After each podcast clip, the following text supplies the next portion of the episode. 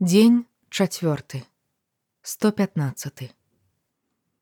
Іванович, што гэта робіцца? Спаскудзілі ўвесь ліфт заразы. Пачуў Ян скрозь сон. Сеў на ложку, пацягнуўся па кашулю. Распісалі, Удакладніў дзед.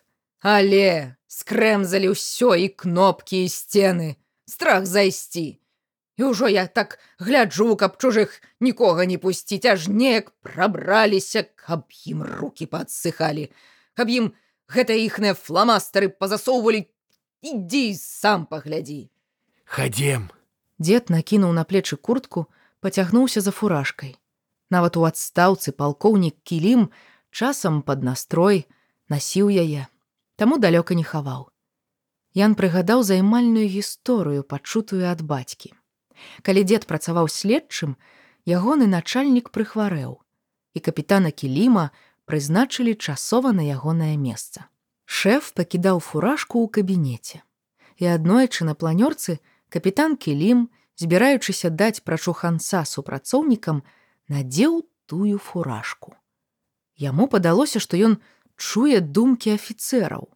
Адзін баяўся, што дадуць вымову за нераскрытае дасюль забойства прадпрымальніка Мікіціна. Іншы планаваў рызыкоўную аперацыю і перажываў, што не дадуць дазволу. Трэці пакутаваў на жывот. Чацвёрты злаваў, што выконваць абавязкі прызначылі не яго і гэтак далей. Агаломшаны потокам чужых думак, кілім зняў фуражку. Усё стало як звычайна. Афіцеры сядзелі ў чаканні ягоных слоў, а той, што зайздросціў, нават блакнот падрыхтаваў, каб запісваць.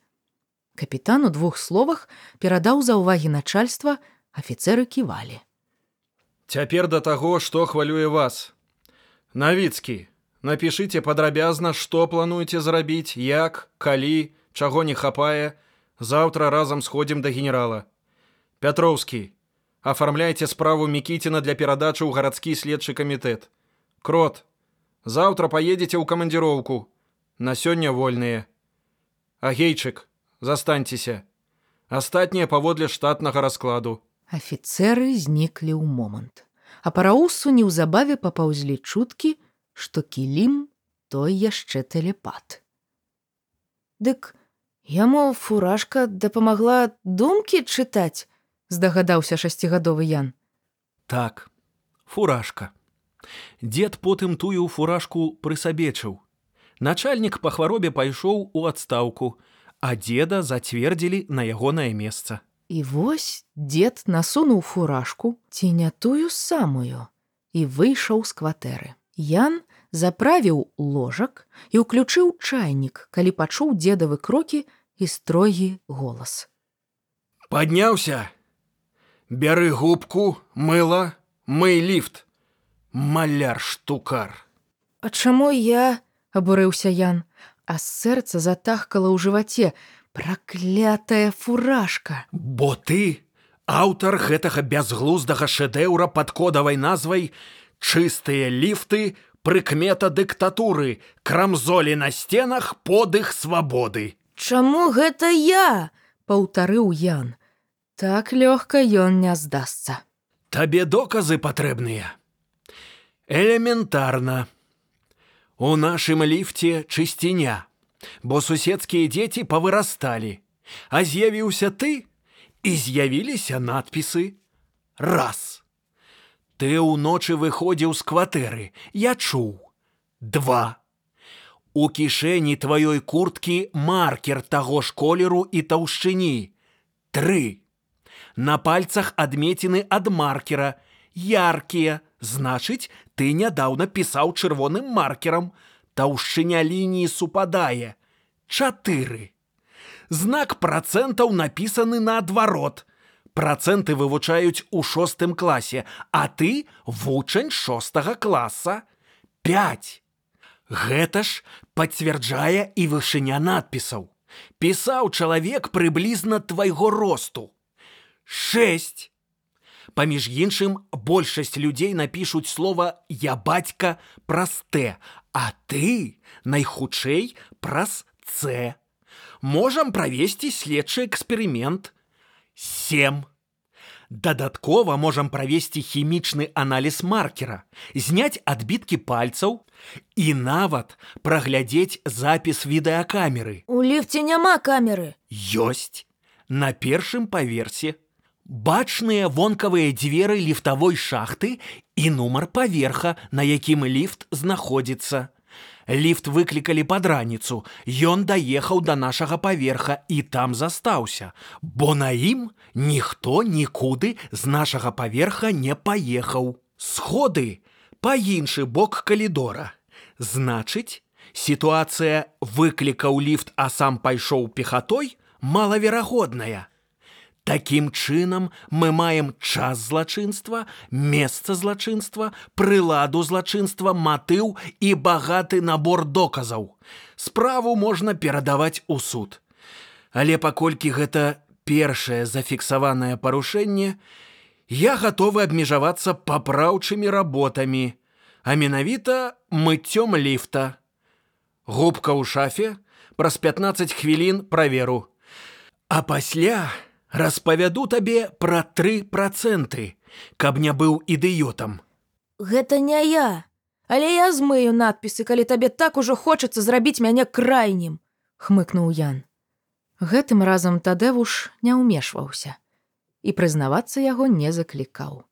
Схапіўшы з мыйкі губку, Ян выбег басанош на пляцоўку, ускочыў у ліфт і стаў церці надпіс. Чырвоныя літары не паддаваліся. Ён папляваў на губку. Не тут тое было.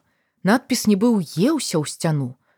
Ян працаваў і мяккім бокам губкі і шорсткім, а не знаку ягоных высілкаў.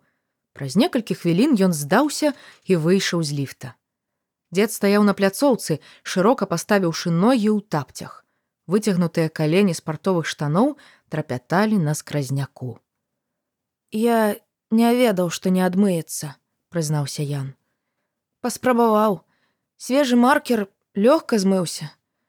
Прабач. Намачы яшчэ раз. Параіў дзед. Мылам можна паспрабаваць, а калі не, содай. Добра. Я паспрабую. Магчыма, варта было намачыць ды хвіліну шчакаць, а можа, змянілася фаза месяца ці адмяніў чары дамавік, але калі хлопец зайшоў у ліфт другі раз, маркер змыўся лёгка, нават мыла было без патрэбы. На залапаных на рост чалавека сценках адмытыя месцы зіхцелі і назойліва кідаліся ў вочы. Ян уздыхнуў і стаў мыць сценкі, кнопкі, дзверы. Праз 10 хвілін кабіну было не пазнаць. Хлопец націснуў тройку, ад працэнтаў і знаку не засталося, праціснуўся паўз дзеда, той ухвальна ляпнуў унука па плячы. Праца на карысць грамадства. Жыві так, каб вакол цябе рабілася лепш, а не горш. Чысціня ў ліфце прыемная ўсім, а надпісы цешаць толькі вузкае кола. Нас 97 процентаў. Гэта не вузкае кола. буркнуў Ян, заходзячы ў кватэру. 97 процентаў ад каго? Ад 10 мільёнаў беларусаў. Мухлюеш, брат. Насельніцтва Беларусі каля 9 з паловай мільёнаў, нават менш. Няхай. З іх толькі 8 мільёнаў лічаць сябе беларусамі. 85 процентаў. Заўваж, не 97. Дед уладкаваўся за столікам, пацягнуўся па паперу і аловак, напісаў лічбу 8. Не беларус не значыць, што галасаваў за яго. А, будзем лічыць тых, хто галасавалі. Выдатна. 6 мільёнаў і 800 там з нечым тысяч зарэгістраваных выбаршчыкаў, астатніх можна не лічыць, значыць, один процент выбаршчыкаў гэта 68 тысяч. Як ты мяркуеш, чыноўнікі галасавалі супраць таго, хто іх корміць ці за. Пэўна за. Ян прымасціўся побач з дзедам. Але колькі іх тых чыноўнікаў? Амаль 200 тысяч. Гэта тры проценты. Ну вось, іх тры, нас 97. Не спяшайся. Супрацоўнікі міліцыі, КДБ, іншыя сілавікі як галасавалі. За. Іх каля 120 тысяч. Яшчэ 2 проценты. Колькі ў нас выбарчых участкаў? Дзед некалькі разоў тыцнуў у экран тэлефона. 5767. І гэта толькі ў Беларусі. Разам з замежнымі лічы 6 тысяч. На кожным камісія з правераных лаяльных рэжыму людзей. Думаю, чалавек па 10, а можа і 12. І две тысячы ў тэрытарыяльных камісіях. Вось табе яшчэ один процент. Значыць, 6 процентаў за. Гэта зусім мала. Чуў прыказку, які хомка, такая і жонка. І другую, якое дрэва, такі клін. Які бацька, такі сын. Можаш смела памножыць 6 на 2. Шмат дзе ў сем'ях наконт палітыкі адзінае меркаванне. Вось табе і 12 процентаў тых, хто шчыра за. Ну, гэта ўсё адно меншасць. Гэта блізу 800 тысяч чалавек, Ваня. Ніводзін ваш марш столькі людзей не сабраў. Нават калі палічыць па ўсёй краіне, столькі не выйшла. Але і гэта не ўсё. Дзед помаўчаў. На гэтым паверсе 10 кватэр. Проста людзі, не чыноўнікі, не сілавікі. У двух з іх дакладна падтрымліваюць сённяшнюю ўладу. 20 процентаў. У трох на палітыку ўвагі не звяртаюць, на выбары не ходзяць. Яшчэ 30 процентаў. Застаецца вашых не больш як 38 процентаў. А можа, цяпер тыя 30 абыякавых ужо за нас? Ну, і не кожны паверх аднолькавы. Магчыма. Але ці можаце вы аднекуль пра гэта ведаць? Дзед падняўся, прайшоў да вакна. Хадзі сюды. Вось дом насупраць. 300 кватэр. Два сцяга і вунь там белы аркуш. Тры кватэры з трохсот. Адзін процент. А там яшчэ вокны з таго боку. Хай там будзе два разы па столькі. Дык за каго тут тры проценты? Ян кінуўся на раскладанку, схаваўся ў падушку. Не, усё не так. Дзед проста не бачыў, колькі ліхтарыкаў мігціць у вокнах у іхным двары, колькі суседзяў прыходзяць паслухаць канцэрт, колькі сцягоў трапечуць крыламі над калоннай на маршы. Нас 97, паўтарыў ён. Часам варта прызнаць паразу, спыніцца, падумаць, прааналізаваць памылкі, а не біцца галавой у сцяну. Я гавару з табой, як з дарослым. Думай пра сваю будучыню. Кім ты будзеш? Няважна пры якой уладзе. Заўсёды патрэбныя добрыя спецыялісты, а самае галоўнае захаваць здароўе. Гэтыя сядуць у турмы, выйдуць скалечанымі, іх павыкідаюць з працы і куды яны пойдуць? У грузчыкі, з адбітымі ныркамі, ці ў бамжы. Хто памрэ, хто з'едзе. А застануцца тыя, хто зараз сябе не скампраметаваў, хто не засвяціўся. Ім будуць пасады, ім будуць грошы, разумным ды асцярожным. Такіх таксама хапаюць. Хто ў краму ішоў, хто сабаку выгульваў. Шэсць дзён не мог у краму схадзіць. Папёрся ў нядзелю, ды ў час марша. Хай каму іншаму расказвае. Хто не хоча трапіцца, той сцеражэцца. А бацька твой, калі не паразумнее, пакіне цябе сіратой. Тады сапраўды зведаеш, па чым фунт ліха. У цябе канверт ёсць? Хачу тату ліст напісаць. Пішы. Знойдзем канверт. Заўтра ўкіну. Толькі думай, што пішаш. Лісты ўсе чытаюць дзяжурныя, могуць не перадаць. Пішы пра звычайныя справы, а не пра палітыку. Ян сеў за столік. Напішаш тут без палітыкі. Але дзед мае рацыю.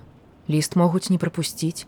Значыць, трэба быць хітрым і пісаць пра палітыку не як пра палітыку, а як пра нецікавыя рэчы. Дарагі тата, я ў деда. У нас усё добра ў хаце.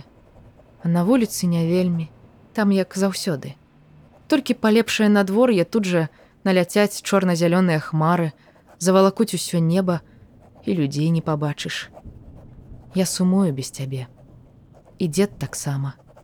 Сварыцца з нейкім Пятровічам, які яму кажа, што ты сам вінаваты.